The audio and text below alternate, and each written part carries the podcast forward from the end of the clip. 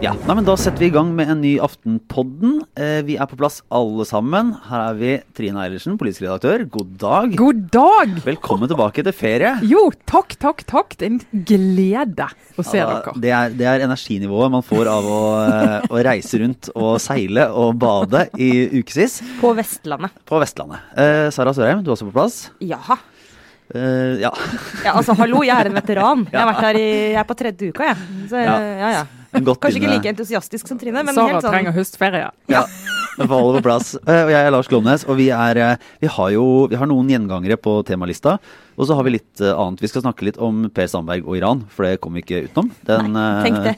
det går unna. Og så uh, må vi snakke litt om, uh, litt om Arbeiderpartiet. Det kommer vi oss tilbake til. Jeg har et, jeg har et par sånne ting vi kanskje kommer innom. Uh, Ulvebryllupskaka til uh, Ola Elvestuen. Som vekker eh, harme i Senterpartiet. Altså Det er de store politiske konflikters uke, folkens. Dette, dette, dette er bra. Altså, det er mulig vi snakker peak eh, krenk 2018, denne ulvekaka. Altså, det, er- det er mulig at dette er se- selve topp, eller eventuelt bunnpunktet av på vegne av andre-krenking. Ja. Jeg vet ikke om vi skal gå i detalj her, Lars. Vi kommer tilbake til det. Ja. Ja. Også, men eh, det er egentlig Vi skal snakke om, eh, om mer sånn ren politikk. Men det jeg har bare tenkt på Nå er du tilbake, Trine, Ja. etter ferien. Og så var det noe som, eh, som heter folket, og ikke minst vi, trenger å få din lille oppsummering av eh, norske russeturer til Hellas. Har, har du fått med deg det? hadde vært den andre store saken denne uka. Ja, ja, jeg har jo fått det med meg. Jeg har jo det. Og jeg har både vært russ og jeg har vært i Syden da jeg var 18 år. Det burde jo aldri skjedd for øvrig. Vet du hva? Jeg skal bare skyte inn her. Jeg, har all, ikke, jeg var ikke russ, og vet dere hva? Jeg har aldri vært i Syden. Nei. Men jeg har gjort begge deler, så derfor mener jeg har bakgrunn for egne meninger. Og for å si det sånn, ikke mine barn. Nei. Det er helt uaktuelt. Um, nei, men det, det er jo mange interessante sider ved det. Det ene er at uh, 18-åringer er drita og fester og gjør mye sløkket. Det, sånn, er, sånn er det. Sånn har det alltid vært. Eh, men det som er sånn bekymringsverdig i disse historiene, er jo denne voldsdimensjonen. Mm. Den kan ikke jeg, eh, min generasjon som på ingen måte lå tilbake i å gjøre dumme ting. Eh, det mener jeg, det drev jo vi ikke med. Vi drev ikke med det. Ja, for noe av det som har vært her, er jo da Det har vært eh, det er liksom to, eh, to historier. Det som har vært på, på IOS, og det er da østlandsrussen, kan man si det sånn. Ja. Der har vært uh, slåsskamper, påstått organiserte slåsskamper mellom russebusser uh, fra liksom øst, hva skal jeg si, øst for Oslo er vel, ja. og, og i Bærum. Ja. Da kan jeg jo skyte inn at det er jo ikke noe nytt for uh, sånne som meg, som kommer fra Skjetten. Ja, sier du det, ja? ja for Ja. Det, dette må jeg si er jo nytt for meg, og dette høres jo helt ko-ko ut. Ja, nei, altså, men det som er nytt, er at du drar til Syden for å slåss. For å gjøre det, ja. Vi dro Ja. ned på banen, liksom. Eller eh, Vi. til- ja. Så det var, eh, Har du slåss på Oslo S? Eh, nei, men jeg har slåss. Eh, Har du det? ja. Altså, eh, Kommer vel, ja, men altså, vi snakker litt sånn eh, forsiktig dasking. Altså, veldig, veldig uskyldig. Men eh, det var Det var faktisk var helt, helt, sant. Ja, så, sånn at du hadde bestemt deg for å slå noen, eller slo du igjen? Ja, vi hadde eh, Altså, det var Jeg, må, jeg ler av det litt, men altså, det er egentlig Det var, og kanskje for alt jeg vet, er fortsatt et kjempeproblem i ungdomskulturen der jeg vokste opp, at uh, det var sånn slåssing mellom rivaliserende gjenger. Og det var stort sett guttene som gjorde det. Men uh, da jeg gikk på ungdomsskolen, så kom det en sånn jentegjeng fra Blystadlia.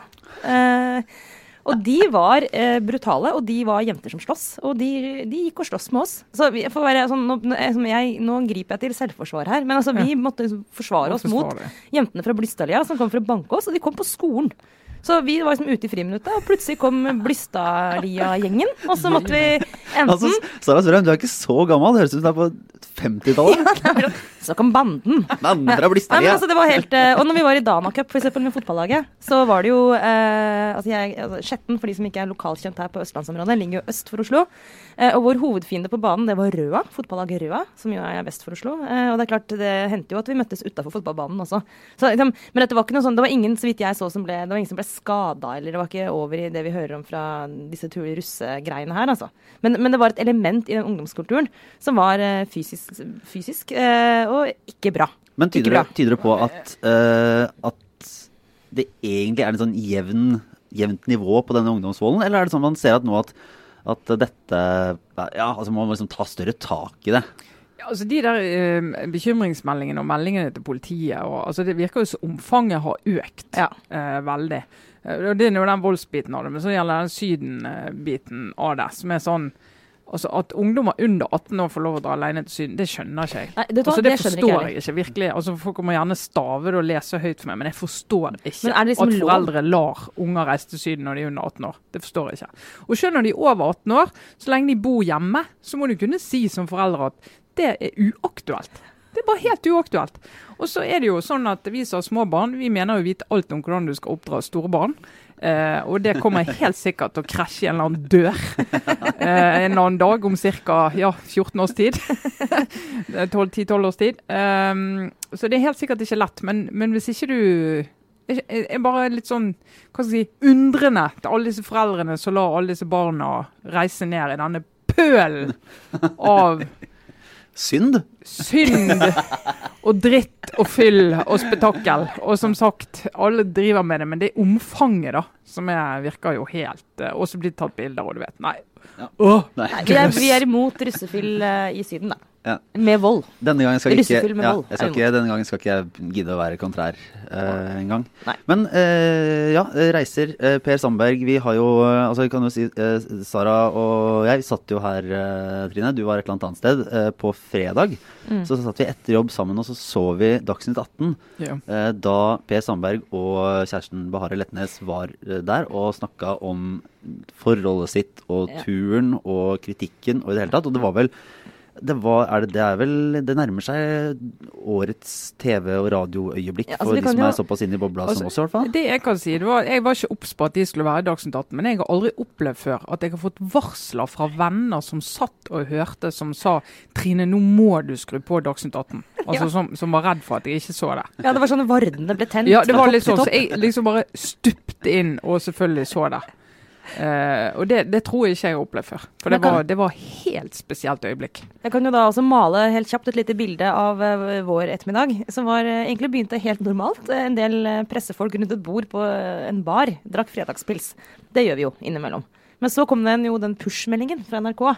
Det var en som ropte ut. altså Det var helt sånn bisart øyeblikk. sånn «Hu- og dama er på Dags 18, og så plutselig så satt vi alle sammen samlet rundt en liten mobiltelefon, og det var helt stille. Liksom, titalls eh, Det var som. Karsten Warholm skulle løpe 400-meterfinale, liksom. Ja, ja. altså det var ja, det eneste gangen jeg opplevde akkurat det der før, faktisk, har vært under sånne store sportshendelser. Ja. Jeg satt liksom helt stille og, og eh, rista litt på hodet innimellom, og noen sukka litt, og noen sa sånn What?! Men det var en sånn undre, mye undring også rundt det bordet. det, tok, det tok litt tid før vi Det var mange ting å stokke, sånn mentalt. Altså, Ja. for, uh, det, var, det gikk jo da Det var, liksom, det var personlig, og det var uh, offentlig, og det var litt storpolitikk. Og et uh, forsvar uh, av Iran. Og i, det- i det hele tatt det var veldig mye. Men det, det er jo, bortsett fra den forvirringen, og det var starten på hva skal si, på resten av Sandberg-uka.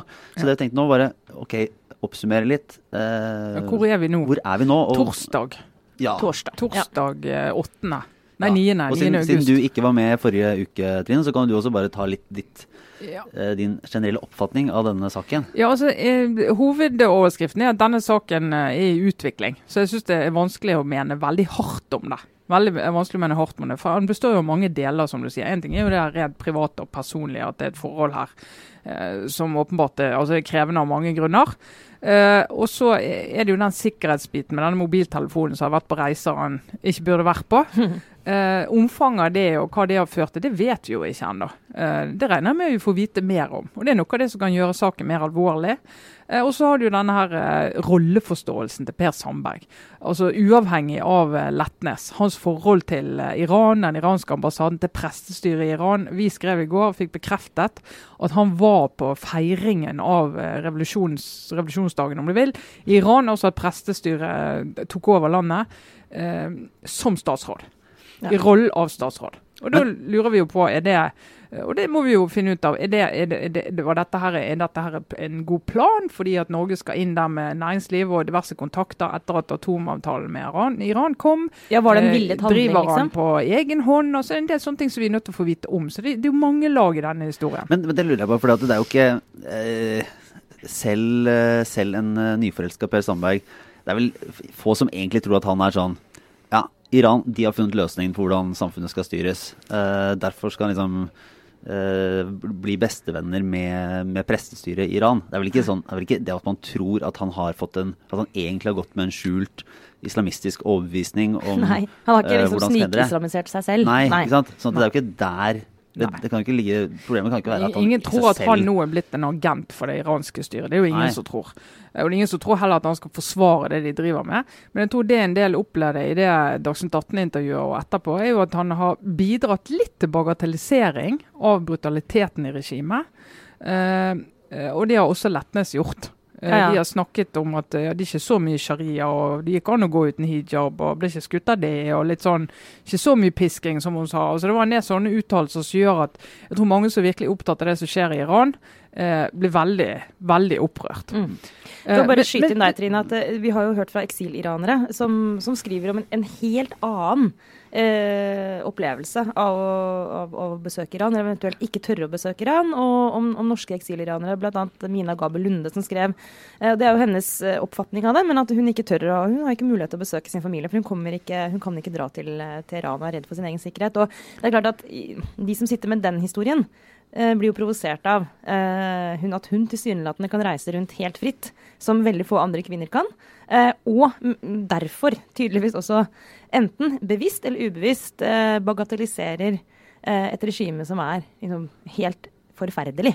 Eh, og det, og det, det, akkurat det kan jeg forstå at man blir utrolig provosert av. Ja. Hvis man har familie der og har opplevd på kroppen hva det kan bety å, å være kvinne i det landet. Det bare det, bare det er nok til at man kan bli veldig oppfyrt Men- over ja, bla, bla, bla. Men, er ikke, men bare, hvor mye er et problem for hva skal du si, eh, eller et retorisk eller politisk problem for Norge eller, sånn som helhet, og hvor mye er for Per Sandberg i Fremskrittspartiet? Fordi jeg ser jo for meg at mange av de som også nå kritiserer Sandberg, ville jo måte egentlig satt pris på den formen for nyansering han har kommet med. Altså Hvis i utgangspunktet sagt nei, Per Sandberg han nå han velger å trekke fram at eh, det iranske folk er, eh, måte, er våre venner, og at vi vil, vil ha samarbeid eh, ja, folk til folk, og at man ikke skal se, eh, se på alle som støtter for regimet. Og det er jo på en måte, I en annen sammenheng så kunne dette bli sett på som en verdifull nyansering av bildet av Iran.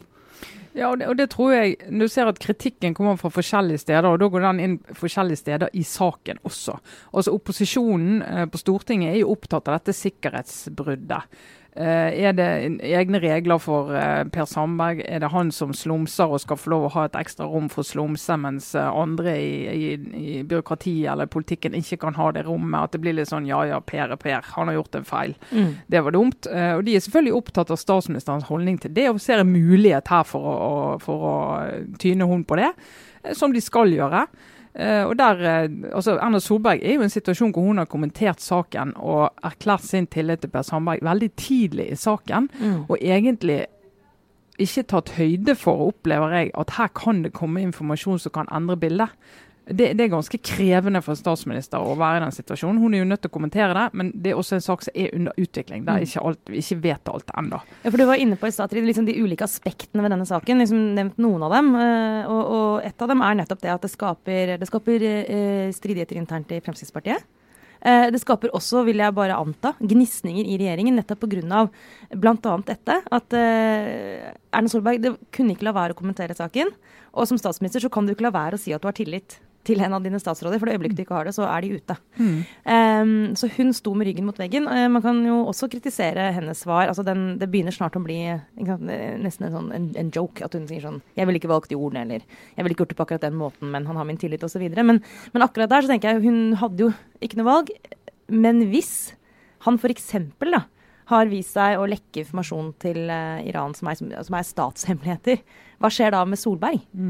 Altså, hvordan må hun, skal hun forholde seg til da at hun på et tidspunkt hadde full tillit til denne statsråden? Altså, da ser du for deg, Trine, at det kan, liksom, kan det her Ja, altså, ramme det- hele regjeringen? Det, det kan, kan komme informasjon som endrer bildet veldig. og Jeg, jeg, jeg tør nesten ikke å spekulere i hvor langt det kan gå, for vi vet jo ikke.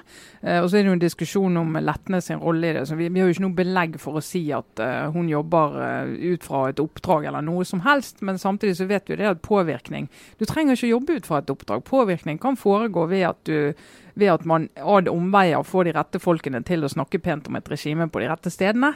Mm. Uh, det er klart Å sitte i Dagsnytt 18 og snakke relativt pent om Iran, uh, det har en betydning, det har en verdi Mm. uh, for, for noen. Sant? Og det, det, det det mange reagerer på, og lurer på hvordan henger alt dette sammen. Mm. Men det er klart inn i partiet for Per Sandberg, som har egentlig hatt et veldig sterkt bakland, han har virkelig vært the real FrPs sterkeste stemme over tid.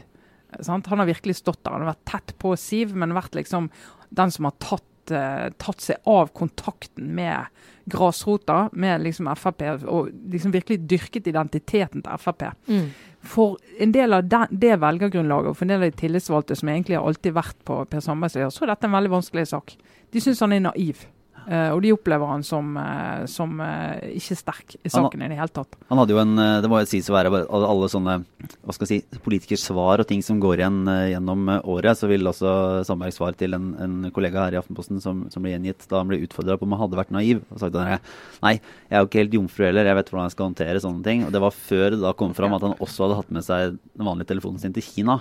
Ja. Så det er liksom det er et eller annet han har jo ikke, Jeg er ikke sikker på om han har hjulpet seg selv så mye i sin kommunikasjon til omverdenen om dette her Nei. gjennom den prosessen. Nei, og så er det jo noe med disse sakene her at hvis du virkelig forstår omfanget av saken og det du har vært med på, og det tror jeg tok litt tid før Per Sandberg skjønte, rett og slett, så det første du gjør er jo virkelig få alt på bordet. Du sørger for at nå kommer alt på bordet. Det må ikke, Dette er jo klassikeren. Det må ikke være sånn at sånne som oss skal jage deg fra skanse til skanse og skal Mm. eh, tvinge statsministeren til å kommentere saken flere ganger i uken fordi det er kommet ny utvikling. Det er jo helt krise. sant? Ja, Vi har jo eksempler på det opp igjennom. Altså, og det, det, altså, hvis du presser sjefen din på den måten gjennom å altså, Alle har jo vært i situasjoner, ikke alle har vært i situasjoner, men tror jeg bør ha tenkt gjennom hvis sjefen kommer og sier sånn Er det noe mer jeg må vite?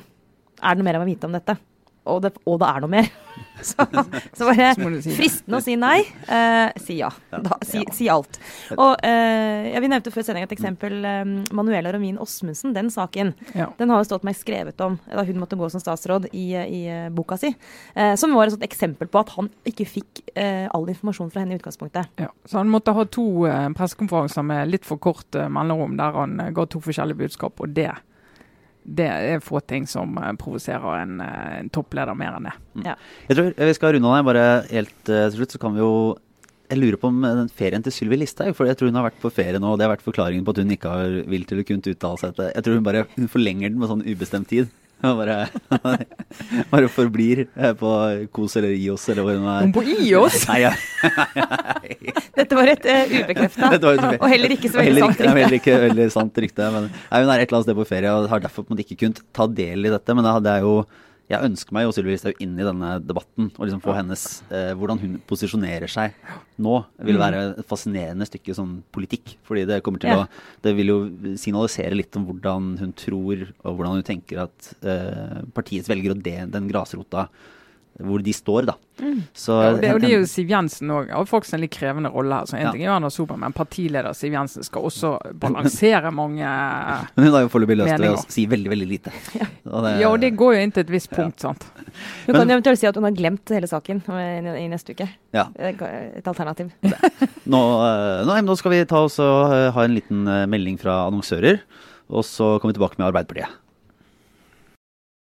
Det er vel, jeg vil ikke sånn si det er en sånn storpolitisk realitet, men det har vært en del, eh, del eh, debatt rundt et innlegg fra, fra en slags eh, altså en venn av podkasten. Han har vært på besøk her også, Sigbjørn Aanes. Det synes jeg er veldig, veldig rørende at du sier 'en slags venn' Ja, jeg av podkasten. sånn, ja, Fordi det er litt den relasjonen veldig mange pressefolk har til eh, disse spinndoktorene.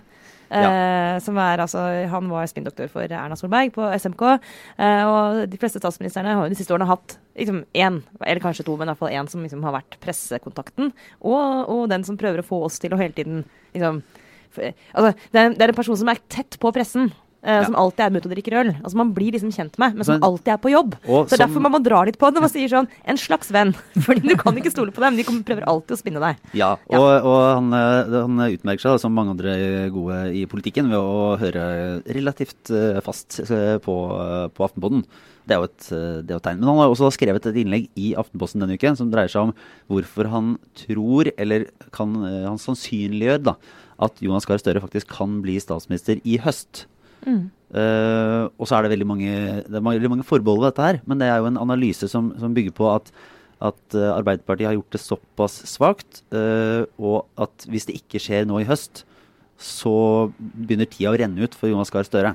Uh, og da Høyre Sigbjørn Aanes, argumenterer jo da med at Jonas er en politiker som har fått til omtrent alt i hele livet sitt. Fram til nå. Eh, fram til nå.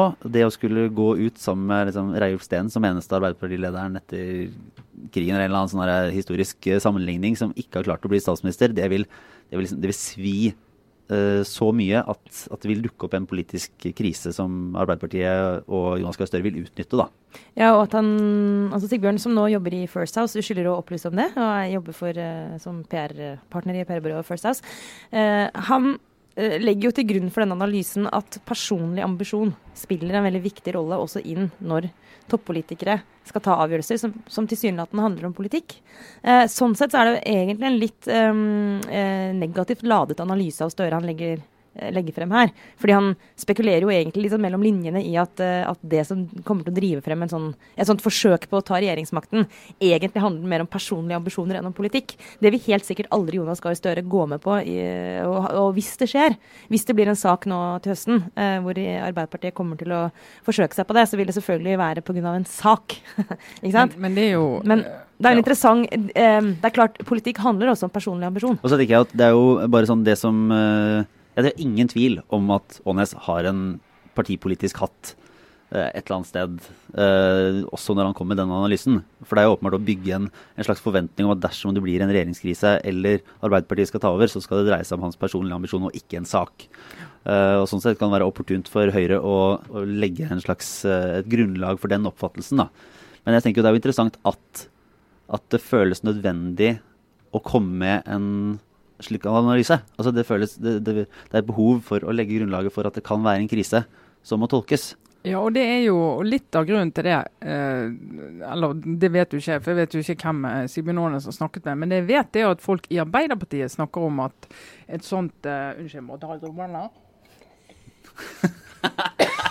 Jeg håper på får få hostekule. Kan hende jeg får det. Ja. Synes du løste det som en, som en uh, gjennomprofesjonell. Uh, Trine Eiersen har mange års erfaring med TV. det øyeblikket du sa Arbeiderpartiet, så var det ikke altså kroppen din fikk en reaksjon. men det var helt nei, tilfeldig. Uff a meg, på ingen måte. Men, uh, men altså, jeg har hørt av folk i Arbeiderpartiet som har sagt det, at vi tror ikke at vi klarer å gjøre et bra valg neste høst. Nei. Og da har vi et problem. Altså Da har vi et kjempeproblem, for da får vi lederdiskusjon. Og vi kommer til å ha forferdelig Det kommer til å være veldig vanskelig for oss når vi skal bygge oss opp til stortingsvalgkampen i, uh, i 2021. Eh, og har også sagt, hørt folk i Arbeiderpartiet som har sagt, at denne her krisen, og på si personalpolitiske krisen som de har i Arbeiderpartiet, eh, metoo-problemene Vi kommer ikke ut av den grøften, og vi får ikke oppmerksomhet om noe annet enn det. Eh, hvis ikke det nå skjer et eller annet dramatisk som gjør at vi er nødt til å tvinges da, til å overta makt. For det er klart at, Og de bruker ordet 'tvinges til å overta makt', og ikke en sånn vi er nødt til å komme i posisjon til å vippe de ut på et eller annet pussig grunnlag. Men ser det som en mulighet hvis det skulle skje, fordi at det vil være sunt for partiet å måtte faktisk styre landet istedenfor å holde på med alt det her. Istedenfor å styre seg selv. Som Ja, alle, alle de der diskusjonene og hvem dukker opp på hvilke sommerfester og oppslag om det istedenfor. Men med en gang de kommer i regjering, så kommer det ut å handle om politikk uvegerlig. Eh, sånn at Den tanken blir jo, blir jo diskutert litt, at en, et regjeringsskifte kan være en mulighet. Men så er jo de, altså i, i Arbeiderpartiet og alle andre steder, så er de jo utrolig klar over at hvilken sak det er, er jo veldig, veldig veldig Mm. viktig. Altså I vår holdt det på å bli Sylvi Listhaug. Ja. Det kunne det blitt. Da går det ikke an å altså Det hadde vært vanskelig hvis eh, KrF den gangen hadde falt ned på og Erna og Sylvi ikke hadde blitt enige om at vi må løse det sånn, og KrF falt ned på at vi velter regjeringen, eh, så kan du ikke si det at det er Støres personlige ambisjon som ligger bak at det skjer. Det er rett og slett litt sånn pussig, merkelig eh, oppsamling, opphopning av litt tilfeldigheter og timing. Mm. Uh, og det kan skje igjen. Fordi at Situasjonen er sånn, er såpass skjør, det flertallet som eh, regjeringen baserer seg på, at det kan komme helt rare saker som gjør at vi kommer i en sånn situasjon igjen. Men hva, bare helt kjapt, hva må skje? Uh, KrF må vi, altså Hvis Støre skal og Arbeiderpartiet skal ta regjeringsmakt, så må KrF støtte KrF støtte er dem. nøkkelen. Ja. KrF er nøkkel. KrF er jo nødt til å si at vi stemmer vekk regjeringen på et eller annet nivå.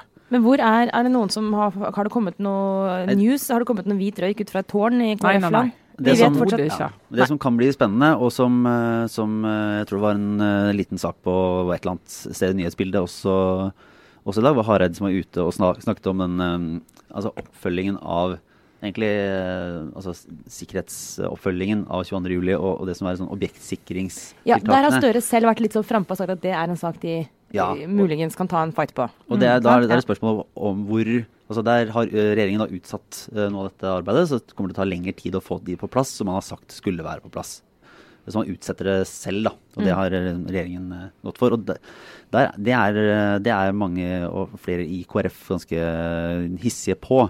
Så altså, det er jo noen sånne ting. Det er liksom en Uh, hvis det skulle gå, skje på en eller annen sak, så må det være noe som oppfattes som viktig og stort for landet, ikke en sak som bare er viktig for altså en liten del av KrF. si Sånn. Hvis de skal kunne snu, så må det være en, eller annen, en, eh, en vektig sak, da. Men er ikke egentlig er ikke egentlig det vi snakker om nå, liksom, det er derfor folk øh, liksom opplever at politikere altså, Dette er klisjé å si, i hvert fall i 2018, men politikerforakt kommer jo fra et sted. Altså, jeg bare merker hele, hele denne analysen til Sigbjørn, som jeg syns er absolutt interessant. Men hele denne samtalen den dreier seg om egentlig strategiske avgjørelser knytta til eh, makt, selvfølgelig. Eh, og til å, å dekke over andre problemer. Altså, vi snakker om Arbeiderpartiet som, som, som bare ris av en enorm indre konflikt som aldri går over, og at regjeringsmakten kan være med på å løse den. Men, men det handler jo ikke om eh, løsninger for folk flest, og handler jo ikke om politikk, politikk. Altså, Nei, men- norsk jo, jo, politikk, ja. altså, skjønner du hva jeg mener? Altså, Jeg får sånn litt sånn dårlig mener, smak i munnen av men, at, det, eh, ting, at, at det, er, dette som på en måte er analysen. At ikke analysen handler om liksom, veivalg for Norge. Ja, Men Ja. den bakenforliggende analysen er jo at Arbeiderpartiet mener at de har løsninger for Norge som er bedre enn det Høyre har. Ja, det og kan de, du men- si. de mener Ja. at eh, landet vil få bedre løsninger og styres på en bedre måte hvis de sitter med makt, enn hvis Erna Solberg sitter med makt. Og Så det det vil få bedre grunn- objektsikring hvis de sitter med makt, enn Ja. hvis eh, Erna Solberg fortsetter. Bare for å ta én sak. Og så er det jo, er jo vårt system sånn at det er parlamentarisme. Eh, hvor det er avhengig av flertall, eh, tillit fra et flertall på Stortinget. Og det kan skje, og det har skjedd flere ganger midt i perioden eh, at den tilliten av en eller annen forsvinner. Og da, da er vårt system sånn at da bytter du. sant? Og det er det, jeg tror ikke Vi skal vi kan ikke bare avfeie det som spill, for det er jo politiske realiteter som regel som ligger bak. Men så er det klart at skulle det skje i høst at det kommer en sånn sak som gjør det på å si, naturlig for, for Støre å overta, så det er jo ikke en optimal situasjon å være i å ha tre år som statsminister med det elleville grunnlaget i Stortinget som han skal styre på da.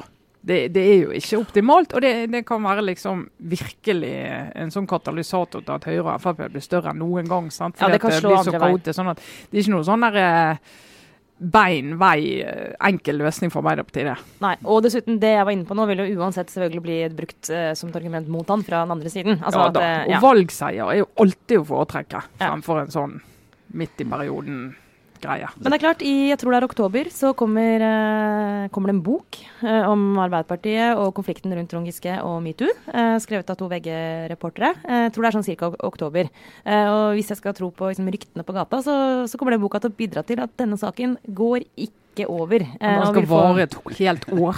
Ja, altså vi, jeg tror vi rekker fint å runde ettårsmarkeringen for metoo eh, med denne saken helt eh, Mm. Så, så sånn sett så eh, kan det jo være at uh, eneste mulige måten å få oppmerksomheten bort fra, er at det må skje noe enda mer dramatisk. Men ja. Ja, men du kan, For å redde fra politikerforakten, så er det, Ja, må bare, det, det, er jo, det er jo absolutt ingen viktig sak, da. Men det var bare det var en sånn ellevill liten historie som eh, vel eh, Adresseavisen egentlig skrev eh, først om her.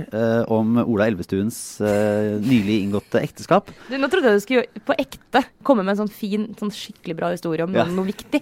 OK, vi skal inn i Ulvegate. Ja. Greit! La oss Bare- gjøre det. Bare, Fort og Vi trenger liksom halvannet minutt på eh, dagens aller minste politiske sak. Fordi da Altså, Ola Elvestuen har gifta seg. eh, Ja, gratulerer med det. Gratulerer med det. Ehm, hadde jo da Han har jo vært en ulvevenn, det må jo sies, Ja. Ja. som uh, miljøvernminister, og har jo da eh, feiret bryllupet med ikke den klassiske sånn der eh, dresskledd mann, eh, liten figur og bryllupskjolekledd kvinne på toppen av bryllupskaka, men to ulne ulver. Noe som i selv er, seg selv er så, er så kitsch. Og den ene ene ulven med brudeslør. ja, altså selvfølgelig. Det var jo litt Altså det var tematisk. Det var jo ikke helt vilkårlig. Det er, altså, det er så, så rart. Ja, men en ting er at det er rart å ha en ulv på sin egen uh, bryllupskake. Ja. Men det enda rarere er jo reaksjonene på det. Ja, ja, fordi uh, da Senterpartiets Heidi Greni ser jo ikke verken romantikken eller humoren i uh, denne flotte kaka. Jeg tror det er det samme forholdet til ulv som min far har til sånn nynorskdebatten. Som er sånn Det er ikke lov å tøyse med! Her er vi enige. Sånn, her, dette kan du ikke Altså, det, det, en del folk har sånne ting som er sånn ja. Det, er all, det, er alltid too soon å tøyse ja. med det. Og, og, det er tydeligvis ja, på henne. Ulv. Men ulv, ulv, er jo et sånt tema. Men, men det er bare Jeg bare tenker Ja, så går uh, Heidi Greni beinhardt ut. Og med noen sånne karakteristikker av Ole Elvestuen. Og, altså, han er helt uegnet til å representere noe som helst krenker alle som er redd for ulv i dette landet. Og så tenker jeg, Men vet du, det er jo det var jo ingen som så de der ulvene før du begynte å snakke om det. Det var en privat fest. Altså Det er litt sånn Må du? Og, og, og så må jo hjertesukk når du skal uttrykke sånn 'Jeg er krenket på vegne av vanvittig mange'. Ja. Slutt med det. Slutt med det. De som er krenket for å komme, de får ta kontakt. Ta kontakt. Ja, sånn eh, Krenka by proxy, det er ikke lov. Oh. Men jeg vil, jeg, vil, jeg vil, egentlig Jeg syns alle politikere som gifter seg, burde ha en sånn tematisk valgt eh, figur på toppen av bryllupskaka. Ja, hvis du har sånn oljeplattform eller et eller annet sånt. Så, ja. Nei, du kan ikke! Men eh, Eivind Tredal og Lan Marie Berg i Miljøpartiet giftet seg jo i sommer. Ja. Er det noen som har sett hva de hadde på kaka si? enten så hadde de en, sånn, en, eh, en sykkel eller en, sånn, en, en vraka bil. sånn, eh. eller en, en åttefelts motorvei med sag gjennom. ja. Jeg ser for meg eh, vet, du, hadde, du, du, du, hadde en sånn liten bok med utredningsinstruksen uh, ja, på nå, kaka? Nå har jo ikke jeg rukket å gifte meg, jeg lever i synd. Ja, se der, Så der ser du. Uh, men hva ville du hatt på kaken? Uh, det er ingen av oss som har gifta oss. Nei. Nei. Det, det, da, altså Mulighetene ligger eh, åpne for uh, ja, Dette de. merker jeg gir meg lyst til å gifte meg. ja. Ok, Lars. Du, rekker, bare, du får svare på sånn ett sekund. Hva vil du ha på kaka? Nei, det kan jeg opplyse våre lyttere om at Lars blir veldig ukomfortabel og litt ja, ja, ja. svett. Dette, har du ikke, dette liker du ikke å snakke om. Nei, det, nei, dette hadde dette jeg ikke Dette merker du at du ikke har tenkt på. Nei, det har ikke jeg heller. Men dette syns vi skal tenke på til neste gang. Ja, vi kan, Jeg vil ta imot forslag på, på Facebook-sida til uh, hva diverse politikere burde ha på sin bryllupskake. Ja. sin bryllupskake. Jeg vil gjerne til hva vi til, Jeg vil gjerne få tips selv òg, jeg. Noen forslag? Ja, ja, altså, det er jo ingen her. Vi, vi du må jo, jo ha en stor krus med caffè latte. Ja. ja. Det er det jeg skal. Ja. Hvor ja. skal vi nå? Eh, nei, eh, nå var det jo eh, Skal vi se, det var egentlig det var, det var, det var, Nei, fordi vi skal jo, vi skal jo på Arendalsuka til uh, uka som kommer. Ja. Så kommer vi sikkert til å gå dypere inn i hva som skjer og foregår uh, der. Men det var bare en, det var en interessant uh, analyse som du kom med her, Eilertsen, fra en bok du satt og leste. Ja. I, i den bare Som dreier seg om lobbyisme. Ja, altså eh, Ketil Raknes, eh, Bård Vegar Solhjell, tidligere SV-statsråd og statssekretær, eh, de har gitt ut en bok som heter 'Jakta på makta', som handler om lobbyisme. Og den er eh, en sånn oppskriftsbok egentlig, på hvordan du kan påvirke politikere. Nyttig for alle de som som de selv sier, som ikke har råd til å betale First House for å gjøre jobben for dem. Ja, altså, masse sånn praktiske grep i den. Jeg liker det innsalget som er for prisen av ti minutter med First House ja. kan du nå kjøpe en bok som gir deg den samme kunnskapen. Ja, det er fint. Sigbjørn Aanes skrøt av de da han snakket om den boken, at det er flott å se disse SV-erne utvikle dette kapitalistiske genet som gjør at de kan selge boken sin. Men, det, men, det, men det, og det, det står mye interessant der. Men det som jeg bet meg merke det var deres kritikk mot LO. Uh, og begge de, de, er jo organiserte og opptatt av at LO og fagbevegelsen skal uh, gjøre det bra. Men de fremhever NHO som en veldig god lobbyorganisasjon. altså ut fra mm. sånn lobbyteknisk. Hva gjennomslag får du? Hvem lytter til deg? Hvem snakker du med? Uh, og De har bl.a. Uh, et punkt som handler om at hvis du virkelig skal få gjennomslag, så må du også snakke med de som er uenige med deg. og Du må snakke med de på en fornuftig måte, der du har en åpen uh, diskusjon, der du deler synspunkter, der du prøver å lansere løsninger. Uh, og der du følger opp folk over tid og bygger relasjoner. Det er jo de opptatt av. Så sier NHO er veldig god på det. LO er tilsvarende svak. Mm. Uh, og De sier at det er et problem for LO og for LOs medlemmer at LO er så enøyde i sin relasjon til Arbeiderpartiet at all deres lobbyisme på en måte foregår eh, i samarbeidet med Arbeiderpartiet. Eh, og at de er så lite utadrettet at de gangene vi hører og leser om LO, så er de gjerne sånn Det er jo satt veldig på spissen med mye sånn lederstrid og eh, eller sånn verv og rundt valg og årskonferanser og sånn. landsmøter. Og så sier NHOs årskonferanse veldig utadrettet, veldig to the point sånn tematisk på samfunnsdebatten. Klarer å sette agenda, invitere mm. alle inn, alt fra Klassekampen-journalister til alle mulige andre i, rundt de som ikke nødvendigvis støtter deres uh, prosjekter. Uh, mens uh, kartellkonferansen på Gol, ja. som er LO sin, er noe av det mest innadvendte, og det er langt unna, og nesten ingen får komme, og det er litt sånn veldig introvert måte å, å jobbe med og, diskutere problemstillinger på. Det. Jeg syns det er en interessant kritikk. Mm. Uh, så jeg er helt sikker på at mange i LO vil være opprørt over det. Men så i går så jeg synes det var et interessant eksempel. for det er klart, I går hadde, onsdag hadde eh, Gabrielsen, LO-sjefen, et møte med Siv Jensen. Hvor de skulle diskutere hvem av oss er det som eh, representerer norske arbeidsfolk. Det er for så vidt en sløkket debatt. Uh, men uh, de skulle i hvert fall snakke sammen, da, for det har gått veldig mange harde ord imellom de. Og da tenkte jeg at, Og det, de hadde jo ikke blitt noe enige om det, og selvfølgelig har de ikke det. Men, Nei, nå er vi enige om at det er, det. Vi, vi, deler jo avbestilling. Men det som jeg synes er litt interessant, er at LO, som er en interesseorganisasjon, som hvis overordnede målsetning må være å få gjennomslag mm. for politikk og saker som de er opptatt av. Uh, og, og de i motsetning til mange andre interesseorganisasjoner, så uh, skjeller de f.eks. ut regjeringspartiene så ofte de kan. Og så samt Først kommer Arbeiderpartiet, så kommer LO, og så kjefter vi litt på de. Mens det er jo Arbeiderpartiet sin oppgave å skjelle ut regjeringspartiene. Interesseorganisasjoner skal jo ikke skjelle ut partiene og så eh, settes ned med de og liksom ja, og nå skal vi prøve å ha en hyggelig samtale om hva vi har lyst til å oppnå. Er du interessert i å lytte? Og så er du blitt mm. nettopp blitt utskjelt på det groveste og beskyldt for løgn og det ene med det andre. Det er klart, det er ikke bra for gjennomslaget ditt, at du har mm. den strategien, fremfor å si ok, vi må jobbe like hardt med alle partiene, alle som har innflytelse, for å få gjennomslag for våre saker. Mm. Og ikke bare lene oss på det ene partiet som pleide å være så stort og ha så mye makt. Og det pleide å være nok? Det pleide å være nok. Og klart LO har kjempemye innflytelse ennå, for all del, både, ikke minst i kraft av antall medlemmer. Eh, men akkurat den der, eh, den der mangelen på evne og vilje til å jobbe bredere, mm. og jobbe mer eh, strategisk, det, jeg syns det er en interessant kritikk. da. Så jeg er spent på hva LO sier, sier til den. Jeg så litt i boka, denne boken i går sjøl, og jeg tenker den kan på en måte leses litt også som et slags forsvar for en form for konstruktiv lobbyisme. Altså, Lobbyisme er jo noe som ofte blir snakket om i, i sånn negative ordelag. Eh, og at det handler om eh, folk som påvirker eh, liksom, behind the scenes.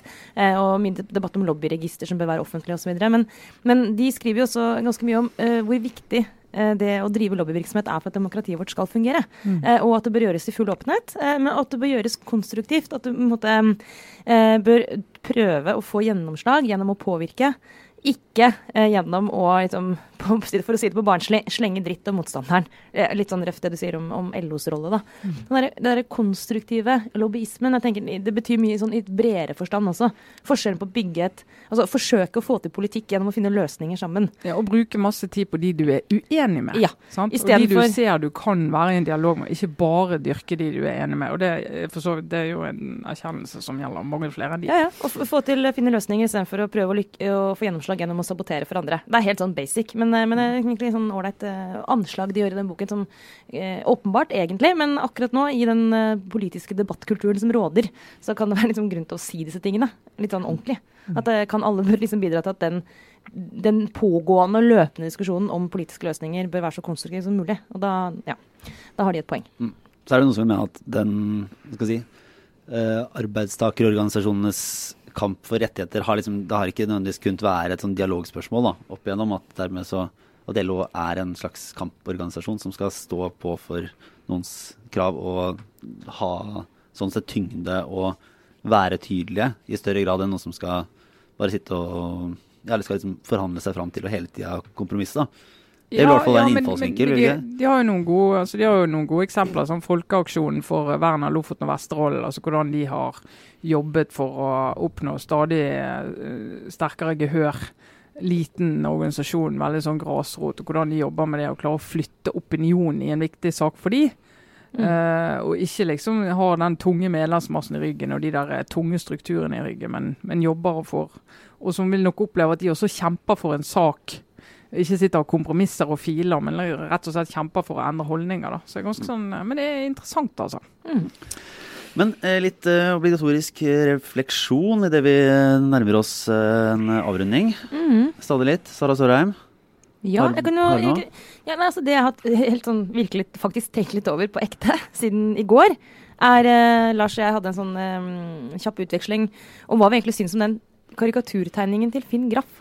Som det har vært mye oppmerksomhet rundt de siste dagene, som, som Dagbladet har publisert. Hvor han fremstiller eh, Net Benjamin Netanyahu. Netanyahu. Ja. Takk, nå var jeg et øyeblikk litt usikker her. Mm. Eh, tegnet som et hakekors. Altså mm, Israels Netanyahu tegnet som et hakekors eh, foran en benk eh, som, eh, som, som, hvor det står eh, Whites Only, så Whites vel, only, som en forbindelse med en eh, ny, eh, eller, et forslag om en ny lov som enda i større grad tydeliggjør Israel som en jødisk Ja, stat. og- En lov som, som Ja. også bl.a. Therese Sollien her har, har kommentert. En lov som er eh, svært, svært problematisk og borderline, eller egentlig bent frem rasistisk, eh, knytta til rettigheter i Israel, og, sette det opp mot eh, etnisk tilhørighet. Eh, eh, der er det vel veldig få som er uenig i at det, den loven er problematisk, men den tegningen er også problematisk, eh, og har fått mye kritikk. Eh, og det handler jo først og fremst om altså Den benken, Whites Only, er en referanse til apartheid i Sør-Afrika, så vidt jeg kan forstå. Hakekorset trenger man ikke forklare hva det er referanse til. Det er ekstremt sterk symbolbruk. Og, og du, Lars, spurte meg bare sånn kjapt i går sånn, hva syns du om denne tegningen? Og så, så skrev jeg vel at jeg umiddelbart tenker at den er over streken. Og da sa du du tenker også det samme, men så skrev du, Lars, um, usikker på om jeg liksom ville ment det samme for noen år siden. Ja. Og det var, egentlig, det var egentlig min refleksjon. Det var at man skal ha utrolig stor takhøyde for denne typen altså karikaturtegningene. Um, der skal man være villig til å gå langt. Dette er jo en lang og god, egentlig, debatt. Men jeg kjenner at den bruken av det hakekorset, eh, den formen for å knytte eh, jødene opp mot nazismen, er så tett på en sånn antisemittistisk fremstilling av jøder at jeg kjenner at jeg, at jeg reagerer på det. Og jeg lurer litt på om jeg kanskje gjør det litt sterkere grad nå enn jeg ville gjort for ikke så altfor mange år siden. Og at grunnen til det kanskje kan være at det er mer av den typen retorikk i offentligheten nå enn jeg har opplevd tidligere. Eh, og at det er grunn til at man må ha liksom et altså, Ryggmargsrefleksen er litt skjerpa på at antisemittiske holdninger eh, er i altfor stor grad til stede rundt oss. Ja, Så, for, så, så eh, jeg, jeg mener at den symbolbruken i den tegningen burde, jeg, tror jeg lander på at den burde ikke vært publisert. Ja, for spørsmålet er jo ikke det, det er jo, eller jeg tenker, altså I utgangspunktet så Finn må jo få tegne altså Han skal jo ikke eh, sanksjoneres i noen grad. Du må jo få tegne det han vil. Altså den, den tegningen er fri, og han kan jo ha den, men spørsmålet er litt om Dagbladet burde publisere den. Og så er det om det på en måte er i et mer sånn offentlig debattperspektiv riktig. Ja, eller ikke bare riktig, men er det greit? Ja. Er, det, er det greit å knytte Altså, er, er det OK metaforbruk? Eh, Ja. Eller, eller Nei, altså, ja. ja. Der tror jeg tidligere var litt mer sånn, hva skal jeg si, presse, det er jo pressefrihet, da, for det er jo ikke spørsmål Nå har frihet, det er jo et Men redaksjonelt valg. Men ytringsfrihetsmessig? Men ytringsfrihetsmessig sånn eh, hardliner på at det, altså dette må det er, liksom, det er en hard debatt. Det må, gå, det må funke. Det er virkemidler. Men dette er en svært betent uh, politisk strid med et uh, måte, demokratisk land som, ja, som må ta til seg dette og, og, og takle det. Men jeg, sånn som jeg har tenkt det, så er det at nei, jeg har egentlig falt ned på den her, altså, hakekorset som symbol og bruk til kritikk av Israel er Kanskje det er litt sånn som den debatten med også, liksom, å si uh, bruke ordet neger. Som er sånn Nei, vet du hva? Det, det gjør vi kanskje ikke lenger. Det, altså Hakekorset det er, det er for sterk. Mm. Eh, Det er for sterkt å knytte Israel som stat opp til liksom, industrielle masse, sånn, massedrapet på et folk.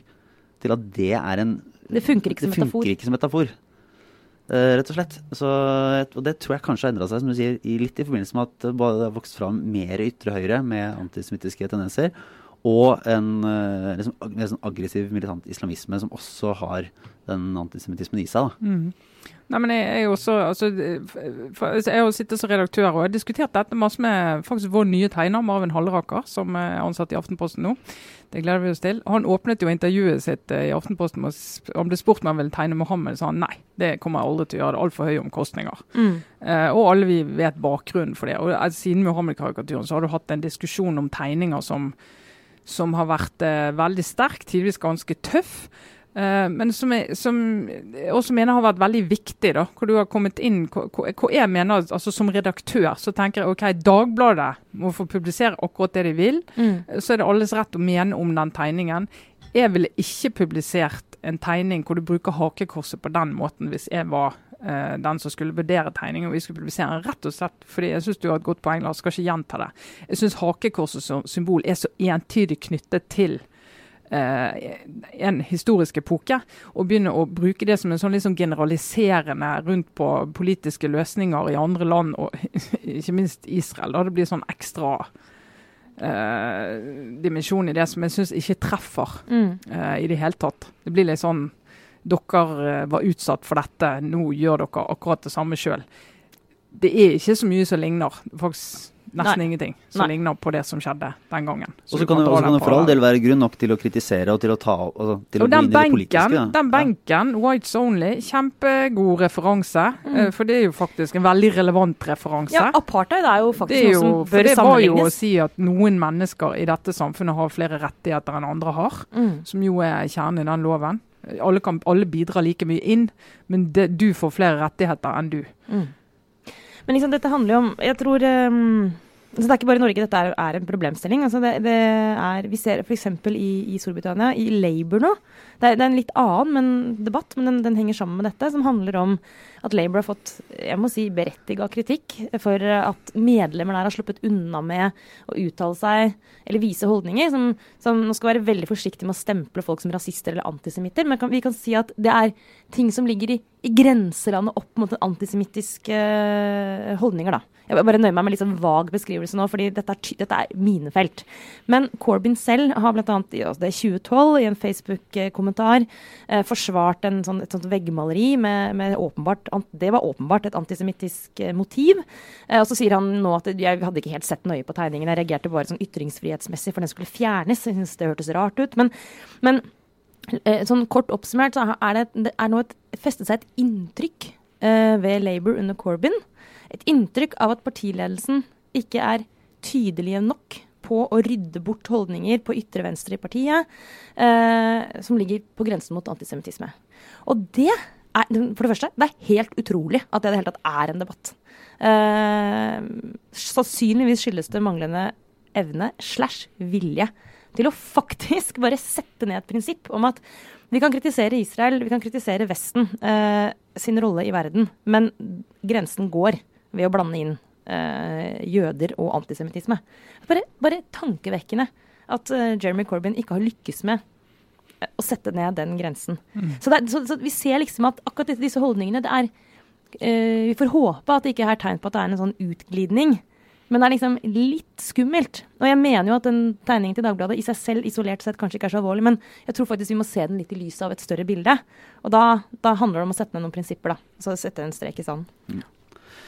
Skal vi se, Trine? Ja, nei, altså vi fortsetter i Israel, Ja. eh, for all del. Nei, jeg har bare en eh, anbefaling. Det, det er et par uker siden det intervjuet ble publisert. eh, Og takk til Frank Rossavik som gjorde meg oppmerksom på det. Men i Haaretz, den israelske avisen, der ble det publisert et intervju med Steve Bannon, skrevet av Gadi Taub, heter han.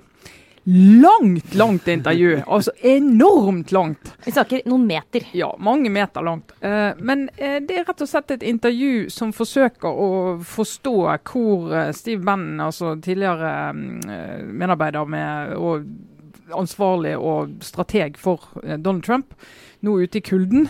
Han er stadig like lojal til prosjektet for øvrig. Han syns det går fint. Men forklarer hvor han kommer fra, eh, hvorfor han mener det han mener, hvorfor den bevegelsen han eh, er en del av er viktig. Alt-right. Eh, Alt-right. eh, og hvordan eh, altså, altså hele det forholdet til Clinton-æraen i USA, hvor, eh, hvor sterk den har vært for den delen av, eh, av amerikanske velgere og politiske interesserte. Hvor ødeleggende den har vært for altså De har oppfattet det som så ødeleggende for eh, det amerikanske samfunnet, egentlig. Mm. Eh, Hvor viktig de syns det er å, å rive ned mye av det som har vært bygd opp. Og det er jo mye av det de får kritikk for. Nå driver dere og river ned institusjoner og tradisjoner. Eh, Måter vi gjør ting på. Og det er faktisk et mål i seg selv. Og han forklarer hvorfor det er Altså Du blir rett og slett klokere av å lese den artikkelen. og Det, blir, det er mye å tenke på. Han sammenligner amerikansk eh, ytre høyre og europeisk ytre høyre, og sier en viktig forskjell er at uh, Europa er litt sånn de er egentlig opptatt av stadig mer stat som skal løse problemer for oss. Det er bare det at staten må ikke løse noe for de feilfolkene må løse for oss. Mens vi er sånn genuine vi vil ha mindre stat. Folk skal klare seg sjøl. Altså, du, du skal løse ting på delstatsnivå. De, statene skal konkurrere seg imellom. Du skal ikke ha denne her svære og Du kjenner hele den politiske historien til USA, så denne motstanden mot denne svære føderale staten som skal mm. blandes inn i folks liv, den har jo alltid ligget der. Men han, når han snakker om det, hvor viktig det er for han, og hvordan det skiller egentlig amerikanske og europeiske strømningen. Det, det er interessant lesning. altså. Veldig anbefales. Jeg, jeg, vet ikke om vi har lagt den ut på våre sider, men da skal jeg gjøre det i dag hvis jeg ikke. Men er det sånn at du kan skjønne Er det sånn at du på en måte altså Fremstår han som rasjonell eller stringent?